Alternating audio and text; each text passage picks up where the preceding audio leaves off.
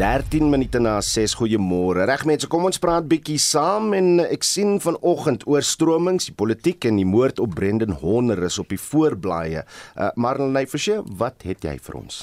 Horner is die 22-jarige plaasbestuurder wat verlede jaar op 'n plaas in die Vrystaat vermoord is. Nou sy pa Robbie het die privaatspeler Mike Bolhuis genader om die moordsaak te ondersoek. Dit nou nadat die verdagtes Vrydag vrygespreek is. Volksblad se hoofopskrif in die verband Bolhuis se hulp nou ingeroep. Die burger berig oor die groot oorstromings in die Suid-Kaap met die opskrif Vloedskok in George. Nou reën word volgens die koerant tot die naweek in die gebied voorspel en die gemeenskapskoerant daar die George Herald. Sy Twitterblad is steeds vol foto's oor die gebeurtenis en sosiale media gonsel van gister af hieroor. Beeld se hoofopskrif steun uit onverwagte oorde vir DA. Danksy onder meer die EFF en Action SA het die ANC gister sy grootste politieke nederlaag sedert 1994 gelei toe die DA se burgemeesterskandidaate gister verkies is tot die posisie in Ekurhuleni en Johannesburg en Gauteng. Die storie haal ook hoofnuus op Business Day se voorblad. ANC ousted from two Gauteng metros. Nou die woorde Johannesburg en Ekurhuleni is van die mees gewilde gewilde besprekingspunte op Twitter vanoggend. Dit lê onderskeidelik 3de en 4de op die top 5 gewilde onderwerpe en daarmee saam die woord Meyer, so beslis 'n gewilde onderwerp um, waaroor mense vandag praat. En wat die vermaaklikheidswêreld betref, kan Twitter gebruikers nie uitgepraat raak oor die Britse sangeres Adele se nuwe musiek nie. Die hitsmerk Adele One Night Only is ook op die oomblik uiters gewild op die platform. Ja, dit was gisteraan op die televisie gewees en en sy sing so maklik. Dit Ay, is inderdaad prachtig. die kapasiteit wat sy het. Dis ongelooflik. Marlene Forsie met vanoggend se nuusoorseig. Nou Suid-Afrika ervaar buitengewone weer met sommige plekke in die land wat gietende reën, stormsterk wind en temperature onder 20 grade Celsius ervaar. In George, en jy het nou mooi gehoor, in die Suid-Kaap is daar oorstromings en baie skade. In Johannesburg moes inwoners Sondag aand weer uh, winterkomberse uithaal en ons wil by jou weet wat jou ervaring is. En ek ry in die oggende op 'n motorfiets werk toe en ek moet sê die laaste paar dae, vir al die naweek en nou net gister en vanoggend is van die koudstes wat ek nog hmm. in die oggend op 'n motorfiets hierdie tyd van die jaar ervaar het. So wat is jou ervaring? Het jy die winterkomberse weer uitgehaal? Mm, absoluut ja. Naweek was yskoud. Wat is jou ervaring daar waar jy bly? Praat saam deur 'n SMS te stuur na 45889. Dit kos jou R1.50 per SMS of WhatsApp vir ons stemnota na 076 536 6961. Hy nommer weer 076 5366961. Jy kan ook jou mening met ons deel op ons Monitor en Spectrum Facebook bladsy hier by RSG. En bly ingeskakel want tussen 08:30 en 8:00 praat ons met 'n weerkundige oor presies wat aan gebeur is en ons het ook vir jou klanksnitte van gebeure op George. En nou na ander nuus, die passasiersspooragentskap van Suid-Afrika is weer in die nuus nadat sy uitvoerende hoof Zolani Matthews voorlopig geskort is. Ondersoek word ingestel na beweringe dat hy onder meer 'n sekuriteitsoortreding begaan het en dat hy 'n Britse burger is. Vir meer hieroor praat ons nou met Sonja Karsten, sy is 'n woordvoerder van die United National Transport Union, beter bekend as UNTO. Ons praat dikwels met Sonja. Goeiemôre aan jou Sonja. Goeiemôre aan julle en aan julle luisteraars. Sê vir my Sonja, was hierdie skorsing vir julle te wagte, julle reaksie daarop? Ons is baie geskok oor die skorsings. Ons het 'n jaar gelede meneer Matthews se aanstelling bevraagteken omdat hy 64 was toe hy aangestel is en Prasa se aftree ouderdom 65 jaar is. Ons het studie versekerings gegee deur die raad dat dit nie 'n probleem is nie en dat daar 'n behoorlike veiligheidsklaring op hom gedoen is. So om nou te sê dit is vir hulle nuus en hy dit verbloem dat hy 'n Britse paspoort is, is baie verdag. Ons weet vir 'n feit dat daar regdeur die staatsdiens in die semi-staatsinstellings en ook in Brazza uiteraard verskeie buitelandse burgers aangestel is onder andere Zimbabweërs wat in sleutelfigure ehm um, eh uh, uh, aangestel is. So ons kan nie sien waarom die Britse burgerskap 'n jaar later na sy aanstelling eers 'n probleem is nie. So kom ons stel net die rekordstryd. Eh, dis 'n feit dat hy burgerskap van Brittanje het, maar is die probleem dat dat hy dit weggesteek het? Wel ons is nie seker nie. Die die die raad van Prasa het ons nie ingelig oor wat presies die probleem is nie. Um, net die aan aan meneer Matthews se stem te luister kan 'n mens duidelik sy Britse aksent hoor. So dit dit dit dit, dit gaan ons verstand te bowe dat hulle kan sê hulle was nie bewus daarvan nie.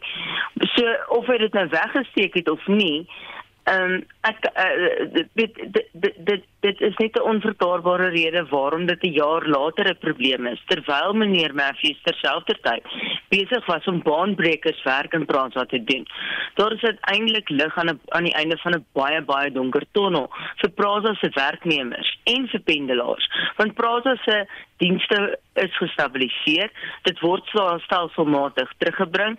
Ons is op die vooraand waar die Mapopaan korridor wat 'n geweldige groot rol het vir die ekonomie van Pretoria, Johannesburg sowel as vir die Noordwes heringestel sou word.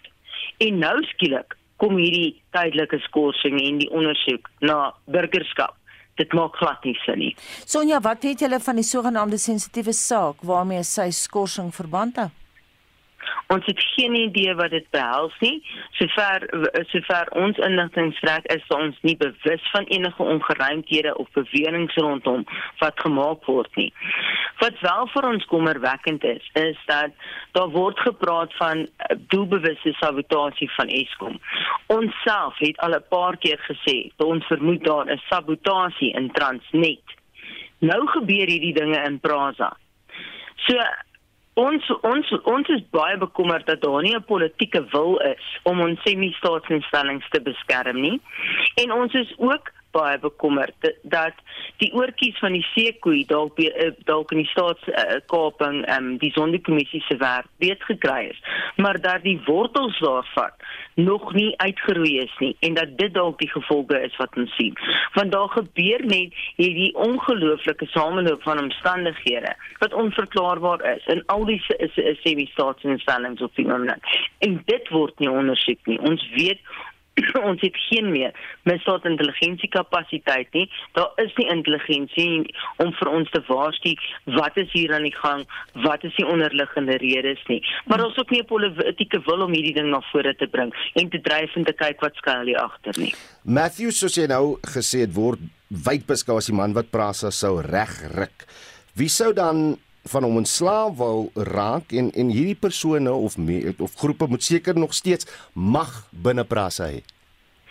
Uiteraard, ek ek dink as jy as jy aan die stuur staan en iets begin regruk wat nou al kom kom ons sê van 2016, 2015 af, ehm um, in wanorde is, dan is jy 'n uh, 'n teiken Ehm um, uiteraard uh, uh, is is hy besig om mense te laat waarneem in ehm um, poste, mense wat al vir dekades in Prasa werk, wat nog altyd in die verlede oorgesien is. En hulle kry vir die eerste keer die geleentheid om dit wat hulle gesien het verkeerd loop te implementeer en reg te stel. Ehm um, wat verblydend is vir ons want ons het uiteindelik die regte mense wat waarneem in die regte posisies en dis hoekom ons 'n verbetering sien. Maar dit dit sal natuurlik ander wat ander motiewe het ook in Prasa uh uh ongelukkig maak en so en so wil hulle van hom ontslaa raak. Dit is dit is buite bespiegeling. Ons het nie feite om dit te staaf nie. Dit is waarom ons vra, is daar al ooit deur die die politieke leiers hierna gekyk? Verder het minister Fikile Mbalula die tendens om elke keer van die die die die die die hoofuitvoerende beampte ontslae te raak en ons weet nou ek meen ek dink ek kan nie eens meer feitelik op my twee hande tel hoeveel hoeveel hoofuitvoerende beamptes daar in Prasa was vir die laaste 6 jaar nie. Maar wat van die raad want seker sekerlik was dit hierdie raad wat meneer Matthews aangestel het se plig om seker te maak dat die regte aanstelling gedoen is. Dan kyk ons ook na die minister en ons het al 'n paar keer dit gevra. Wanneer gaan president Cyril Ramaphosa optree teen sy minister wat byvoorbeeld die veiligheidskontrakte gekanselleer het en gesorg het dat daar niks in plek is nie. Wat nie toesien dat die polisie, die spoorpolisie hulle werk doen in die in die in die spoorvervoer omgewing nie. Dis die minister van vervoer se verantwoordelikheid. So om elke keer die hoofuitvoerende beampte te verander of te skors, gaan nie help nie. Ons moet begin skoonmaak van 'n punt af en dit begin begin ongelukkig heel bo. Mm -hmm. Sonja, jy klink ontsettend gefrustreerd en dit klink nie of jy enige antwoorde kry op vrae nie. Hoeveel mag het julle? Vir in die stadium, I mean om die meerderheidsvakbond in Brazza te wees, sal jy dink dat ons geken sal wees vooraf, voor daar so 'n aankondiging in die media kom om vir ons te verduidelik wat die rede is hier agter. En ons word net eenvoudig geïgnoreer. Maar daar word groot gewag gemaak oor hoe vakbonde dit verwelkom wat nie eens erkenning in Brazza geniet nie. So hulle het nie genoeg lede om erken te word in die Brazza bedingingsforum nie, maar hulle hulle steun geld meer as wat die erkende uh, meerderheidsvakbond se steun tel. En dit is vir ons net so groot frustrasie. Dit is Sonja Karstens, die woordvoerder van die United National Transport Union. Die drukgroep Oceans Not Oil gaan die minister van minerale hulpbronne, Gweri Mantashe, nader om teen seismiese aktiwiteite aan die Oos-Kaapse kus te appeleer. Die groep se aanlyn petisie daaroor het die afgelope week sowat 100 000 nuwe digitale handtekeninge ontvang. Die drukgroep vra dat die opname vir die ontginning van fossiel brandstof en gas uit die oseaan gestaak moet word. Die mede-stigter van die groep, Janet Solomon, het aan Malenay Forsie gesê dat daar's baie Suid-Afrikaners wat teen die proses gekant is. People are outraged and people are angry. The Wild Coast is a soft spot in everyone's heart. It's pristine, it's beautiful, it is a migratory highway, one of the biggest ones in the world for marine life. People love it. People want to keep it that way. And a lot of people depend on it for their livelihoods in that area of the world. Oceans Not Oil het nou die departement van minerale hulpbronne genader om 'n interne appelproses te begin. There've been some irregularities in procedure and there has been a lot more new science since 2013 and 14 when this was approved. So we want to engage government on this. You know, it's absolutely vital that they consider this new science. Weens die huidige wetgewing is die departement van bosbou, visserry en omgewingsake se hande afgekap. Die woordvoerder, Albi Modise, sê die goedkeuring van die aktiwiteit is buite hulle beheer. The impact of the seismic survey to be undertaken by Shell and Impact Africa has been authorized under the MPRDA, which under section 39.2 of the Act requires the submission of an environment management plan, which is to assess and evaluate the environmental impact of the activity. The Minister of uh, Mineral Resources and Energy is the responsible minister for administration of this particular act. The minister responsible for environmental affairs is therefore not mandated to consider the application or to make a decision on the authorization of the seismic survey. Shell se aansoek om die opname uit te voer is boonop goedgekeur onder ouer wetgewing. It should be noted that since the coming into effect of the Water Environment System on the 8th of December 2014, the application process for the seismic survey was finalized. All decisions made under this particular MPRDA at the time remain valid and binding until set aside by the court of law. You have this separation of powers where the Department of Environment doesn't actually get to look in on mining applications until there is some kind of appeal or review of a decision made. So, in fact, the issues of environment are marginalized the whole way through. Intussen waarsku Solomon wat ook 'n kort rolprent oor seismiese aktiwiteit vervaardig het, die impak op die omgewing is verrykend. From planktonic life which gets wiped out, about 40% of all krill, which is the basic food of whales for instance, gets wiped out. Those air guns are capable of inducing lethal and sublethal injury. Hearing loss, they can produce organ rupture, behavioral responses, obviously avoidance of critical areas, disruption of migration and schooling, disruption of homing and orientation, decreased feeding. Obviously, with uh, mammals and some fish, you get decompression, which is basically the bends, um, and the coincidence of mass stranding is high with seismic surveys. Die gevolge hou 'n risiko in vir die toerisme en visserybedryf wat volgens Salomon 'n groter bydrae lewer tot die ekonomie as die ontginning van brandstof en gas uit die see. Die aanlyn petisie sluit op die 1 Desember en intussen duur betogings voort.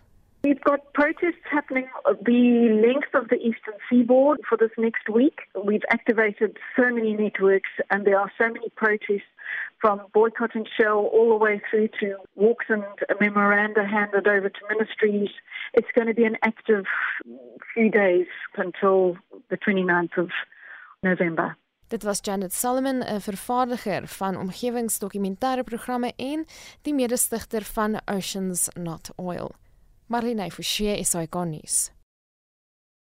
Reg ons praat vanoggend oor die buitengewone weer wat ons na agter die rug het en wat nog kom Marlenae wat sê ons mense? Johan al skryf op Facebook Richards Bay is kouer as gewoonlik die tyd van die jaar en Christopher Dean Mills laat weet in Komani Queenstown was ons vir jare gewoond aan 'n goeie somerreensmiddag maar vir die laaste paar jare is daardie verskynsel maar skaars. Hier neig dit al hoe meer na regte woestyn weer. Vuur warm deur die dag en yskoud deur die nag en as dit wel reën, is dit nie meer 'n wolkbreuk en dan is dit klaar gereën nie. Nee, nou reën dit sag vir ure aan een. Niemand gaan my anders laat glo dat aardverwarming nie 'n rol speel nie. En Max Joel skryf ook op Facebook: "Ons woon tussen Vogwil en Carltonville. Ons moes weer die winterpyjamas en komberse uithaal vir beide ons en ons kleintjies.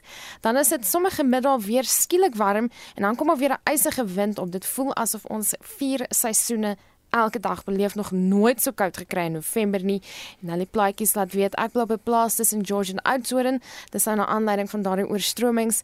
Ehm um, Nelly sê ons is vasgekeer agter die vloedwater en dat kinders wat môre eksamen moet skryf op Oudtshoorn. Op die SMS lyn skryf Lorraine uit en Drina, hulle kry lekker reën die laaste 2 weke en amper haal, maar skryf sy ons slaap nog net met 'n laken en een dun kombers. Dit klink of dit koud is daar nie. Hmm. Nog iemand wat laat weet baie koud en nat in dispatch. Ons vertrou dat dit by ons damme ook gereën het. En iemand 'n anonieme luisteraar hier wat skryf so tong in die kies en ek lees dit soos wat dit aan ons gestuur is. Die koue is clearly due to global warming.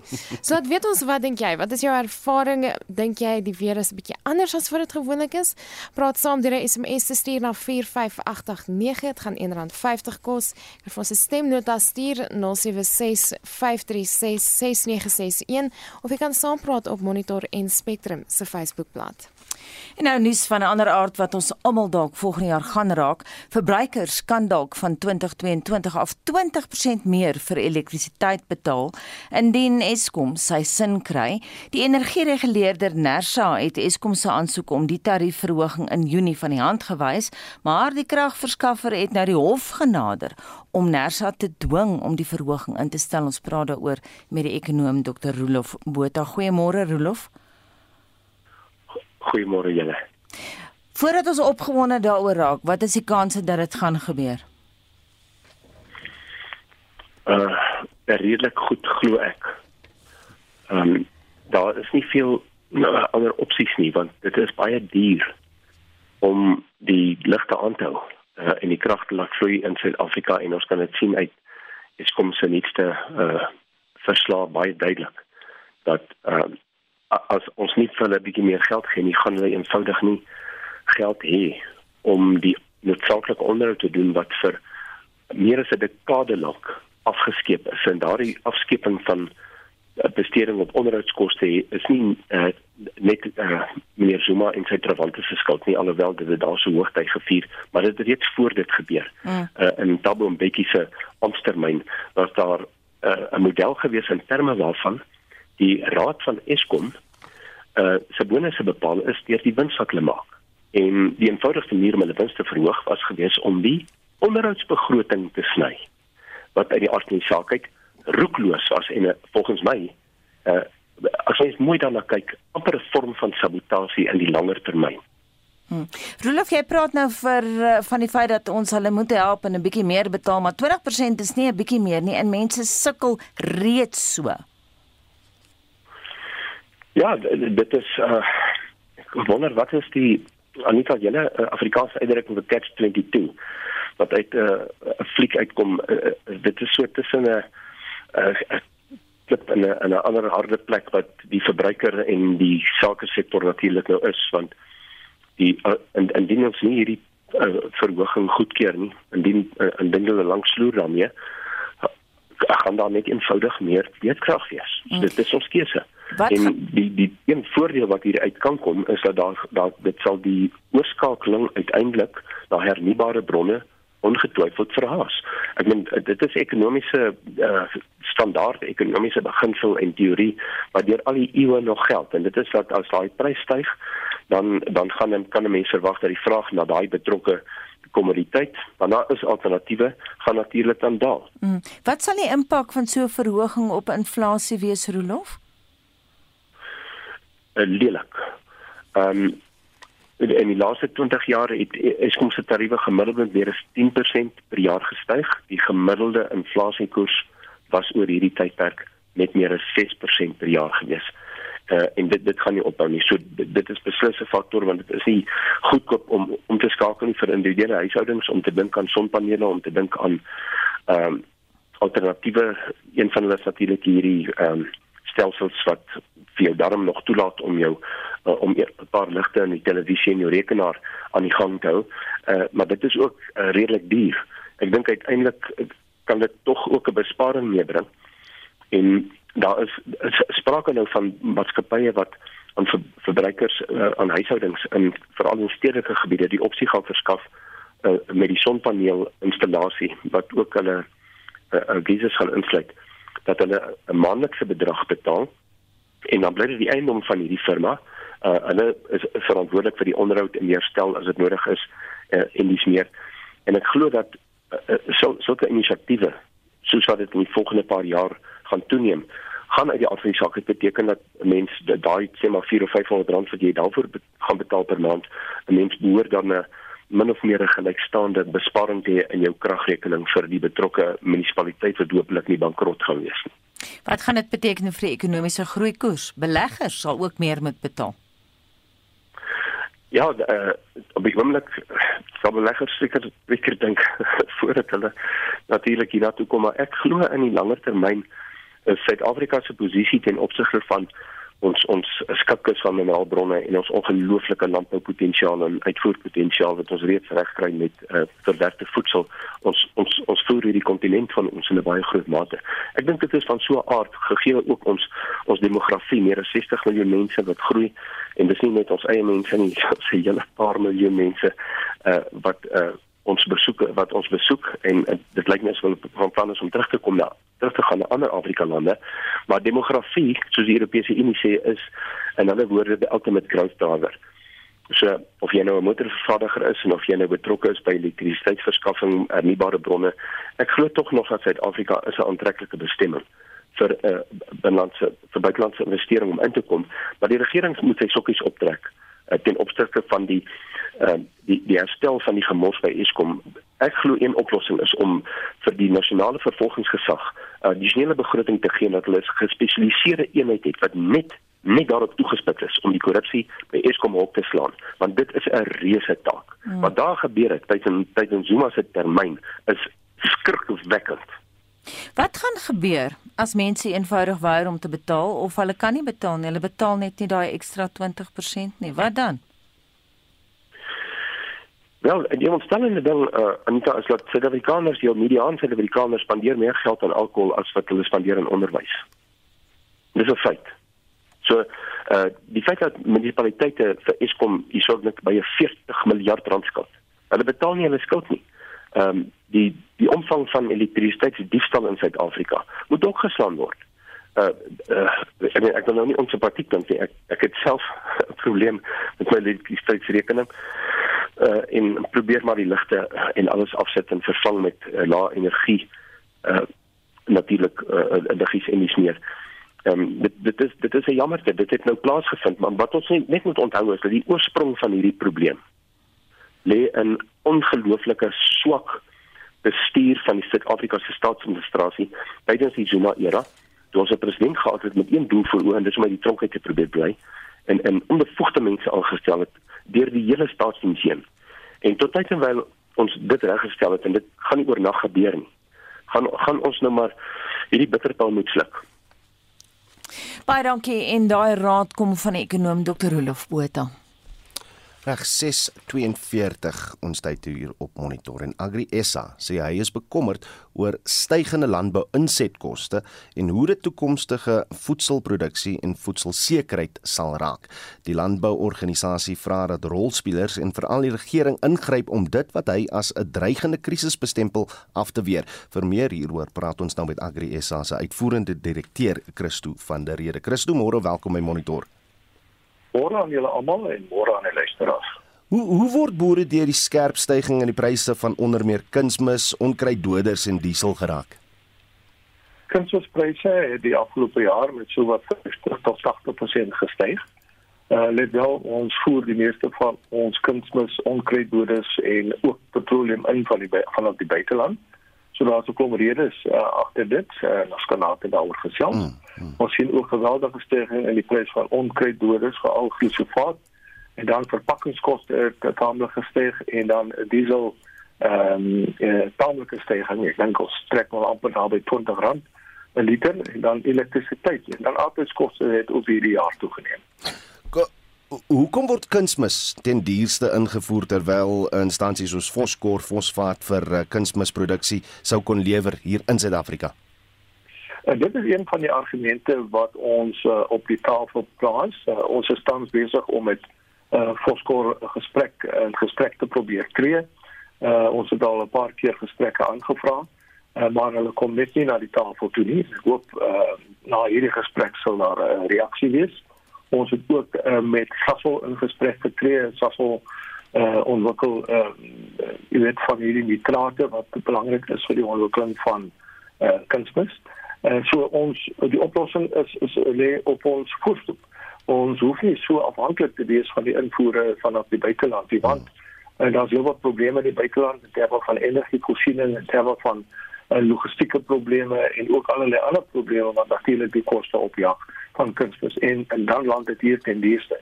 So staar 'n krisis in die gesig en almal is te bang om die goed in te voer uh, ten dieste want sou die prys val dan sit hulle moet voorraad wat hulle hmm. ten dieste afgekoop het. Is daar ander ander insetkoste waar ons bietjie meer selfbeheer kan hê?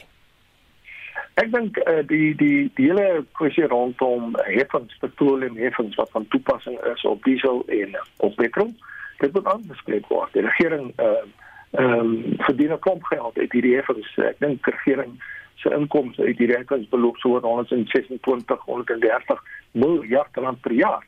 Eh uh, maar dan wil mense sien die geld word aangewend vir handhawing van wet en orde op ons paaie, handhawing van uh, of, of herstel van paaie. Uh, van ons provinsiale uh, paaie is totaal onbegaanbaar. Gaan maar na die Vrystaat en na die Noord-Kaap, jy jy moet dan die pad ry in plaas van bo op die pad.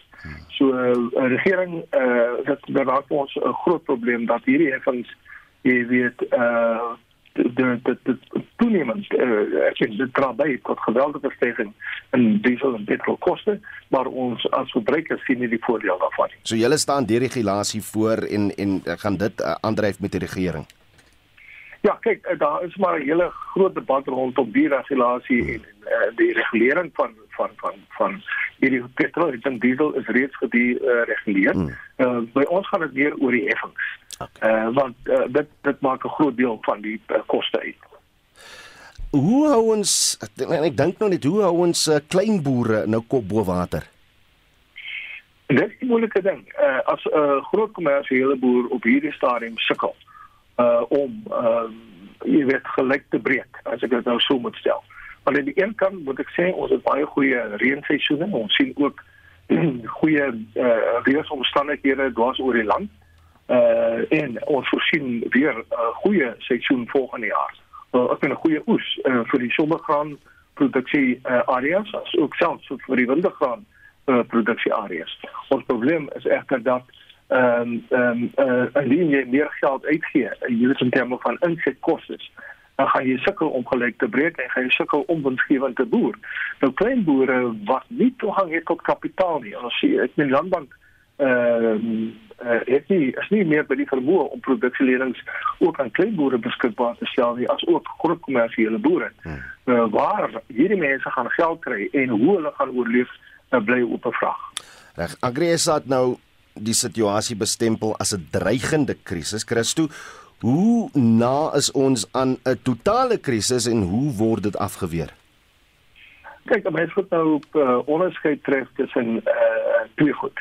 Uh, ons vermoë om kos te produseer en ek dink uh, Suid-Afrika is in 'n uitstekende posisie. Ons het gister saam met die uh, Amerikaanse ambassade en 'n hele klomp ander internasionale ambassades en Cortiva groot werkswinkel gehou waar ons die krisis of die kossituasie, kossekerheidssituasie in Suid-Afrika bespreek. Nou in terme van kos eh uh, beskikbaarheid eh uh, um, uh, is ons is ons in 'n baie goeie posisie. Hmm. Maar die groot probleem is die kos bekostigbaarheid. Uh, ons het gesien armoede toegeneem, werkloosheid het toegeneem die afgelope tyd en dit vir ons is 'n groot bron van kommer en dit is aanspreek en ek dink dit hou verband met die algemene ekonomiese toestand in die land ehm um, en en daai algemene ekonomiese toestand in land het ook weer 'n impak op boere se vermoë om winsgewend te boer. Want as rentekoerse styg die koste van insetkoste uh, van insetprodukte styg dan is die boer nie by die vermoë om winsgewend te boer nie. En dit plaas ons dan in 'n krisissituasie. Ons is nog nie daar nie. Hmm. Maar indien hierdie ding nie onder beheer gaan kom nie en dit is waarom ons gesprekke aangevra het met die regering, gesprekke aangevra het met al die uh, kunsmis uh, invoermaatskappye as ons met Foskor en en die jy weet hierdie tipe van maatskappye en die departement van handel en nywerheid sodat ons hierdie probleem kan kan aanspreek. Dit was die uitvoerende direkteur van Agri SA Christo van der Rede.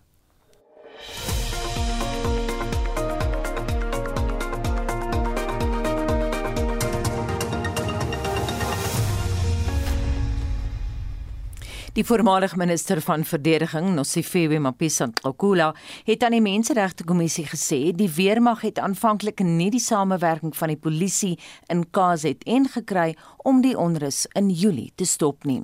Dit nadat president Cyril Ramaphosa opdrag gegee het om soldate te ontplooi. Sy het voor die kommissie in Omslanga getuig dat die krisis in die Kem gesmoor kon word as daar sterker opgetree is toe vragmotors by die Mooi rivier Tollik geplunder is. Dries Liebenberg en Vanelli Mslongo berig. Die kommissie het gehoor dat president Cyril Ramaphosa op 11 Julie gevra het dat die weermag ontplooi word, hoewel hy nie so 'n versoek van die polisie ontvang het nie. Dit was die getuienis van Mapisa Gakula wat in daardie stadium die minister van verdediging was. Sy het verduidelik watter proses gewoonlik gevolg word voordat die weermag ontplooi word ter ondersteuning van die polisie. In this instance if you see I'm saying the 11th of July, ne? President calls me. President is asking for the deployment of the SANDF. By then there is no request which has come from the police. So when I receive this instruction from the commander in chief, I then picked up the phone and spoke to the minister of police. And I said, This is the wish of the commander in chief. And at that point, the minister says, Yeah, I actually think it is about time. So I say, Well, put it in writing. Sy het gesê oor die volgende 3 dae is die getal soldate wat ontplooi sou word tot 25000 verhoog. These soldiers in the main were to be employed at national key points. So they were going to be employed at national key points because the police would have been responsible for crowd controls and protection of the malls which are being looted. Now, on Tuesday, the 13th of July, President requested that the number of employed SANDF members should be increased to 10,000. At this point, the feeling was that uh-uh, it, sh- it can't just be about protection of the national key points. You now needed the soldiers to move in and assist the police even in crowd control. Mapisa Kakula het nie toekies omgedraai oor hoe die KwaZulu-Natalse polisiehoof, Nhlanhla Mkhwanazi, die situasie hanteer het nie. Sy sê hy was oneerbiedig teenoor haar, ander ministers en senior amptenare van die ministeries van verdediging en staatsveiligheid tydens 'n vergadering in Durban.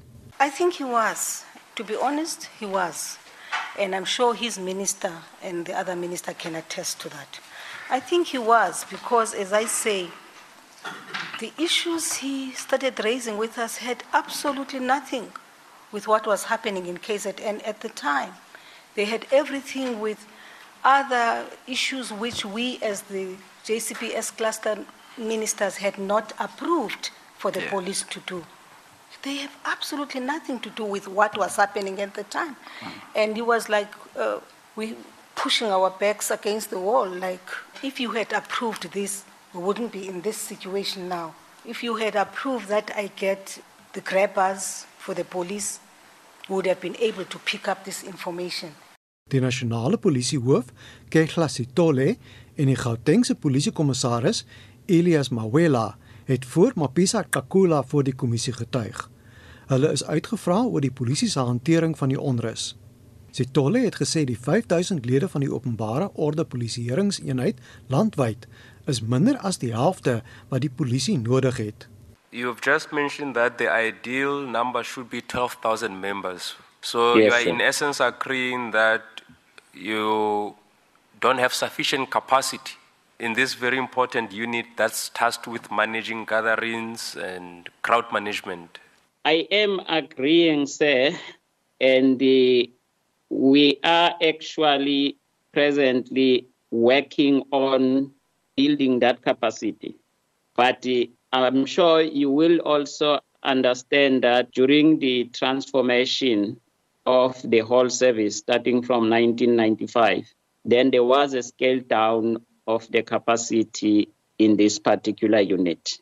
Amptenare van die departement van staatsveiligheid sal na verwagting later voor die kommissie getuig. Ek is Dries Liebenberg in Durban. Daar is geen verkeer. In Johannesburg staan 'n vragmotor in die middel van Witkoppen en op die hoek van Newmarket en Hyperion verwag vertragings daar.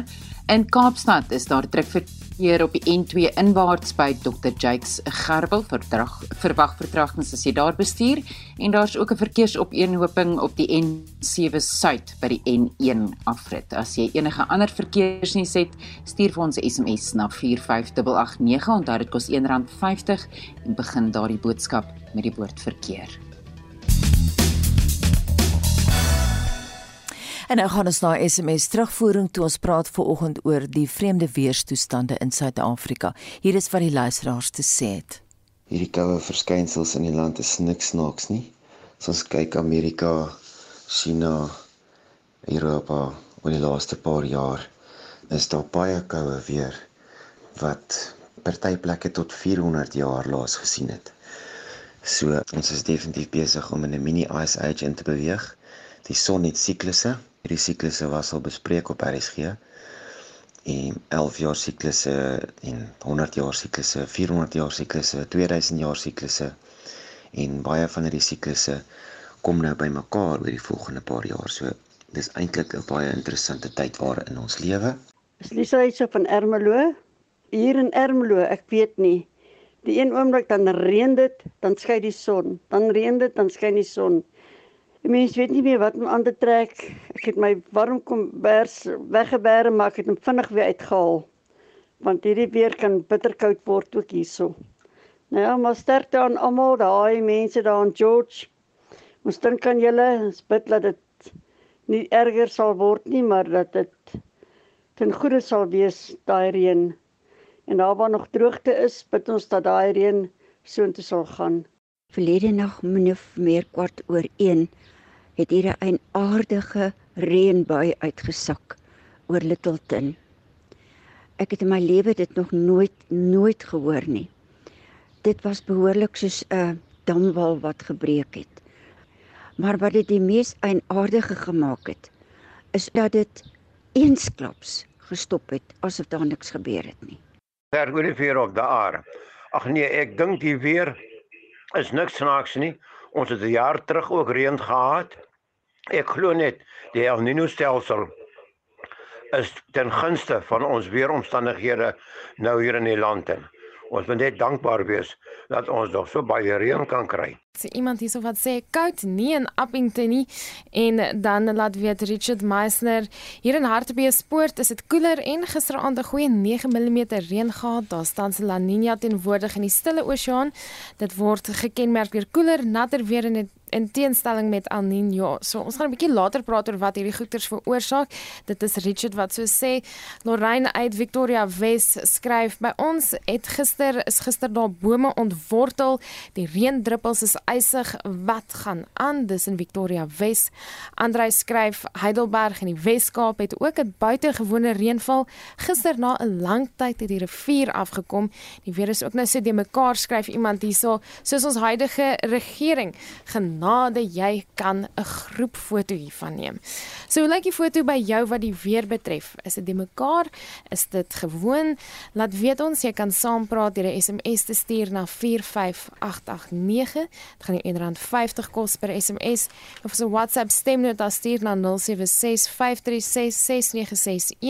of jy kan jou mening op ons Monitor en Spectrum Facebookblad gaan deel. Daar's 'n heerlike gesprek daar aan die gang. Nou ja, daai heerlike gesprekke voer ons verder vanoggend want daar's ook baie vrae Marlenae oor mm. mense wat praat oor klimaatsverandering. Dis een van die vrae wat ons later gaan stel aan professor Hannes Rautenbach.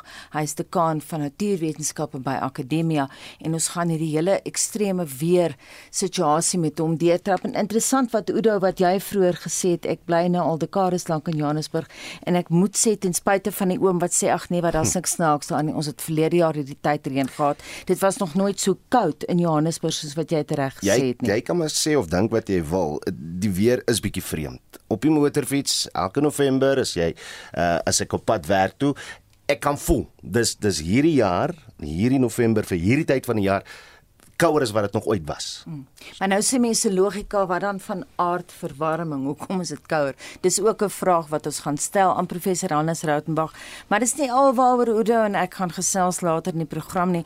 Ons gaan ook fokus op die koalisies en ons gaan kyk na die Nelson Mandela Metro indien jy die nuus daar gemis het. Die ANC se kandidaat Eugene Johnson het naalskraap en dis met een stem gewen. Ja, en drie vroue burgemeesters in van die groot metro's in Suid-Afrika. Mm, ek moet sê ek is nogal beïndruk met die een in Johannesburg. Sy het sommer dadelik gesê as jy nie jou uh, water en ligte betaal nie, dan sal jy afgesny word. So moeilike tye wat dalk wag, maar die probleem is Johannesburg sit met 'n eindelose skuldlas en dit benadeel mense in veral die westelike voorstede want daar is nie geld om behoorlike instandhoudingswerk te doen nie. Dan soos jy ook dan blyk dit ook asof al reeds een of ander onderhandelings gedoen is met die uh, mense van Soweto hmm. as dit kom by daai skuldlas uh, vir vir elektrisiteit. Ek sal graag wil hoor wat die nuwe burgemeester daaroor te sê het. Ja, so sal ons almal dit dan laaste woord van nou daan Oudo want ons gee nou die stok oor aan Anne Marie van Berg want sy gaan vir ons die 7 uur nuus lees.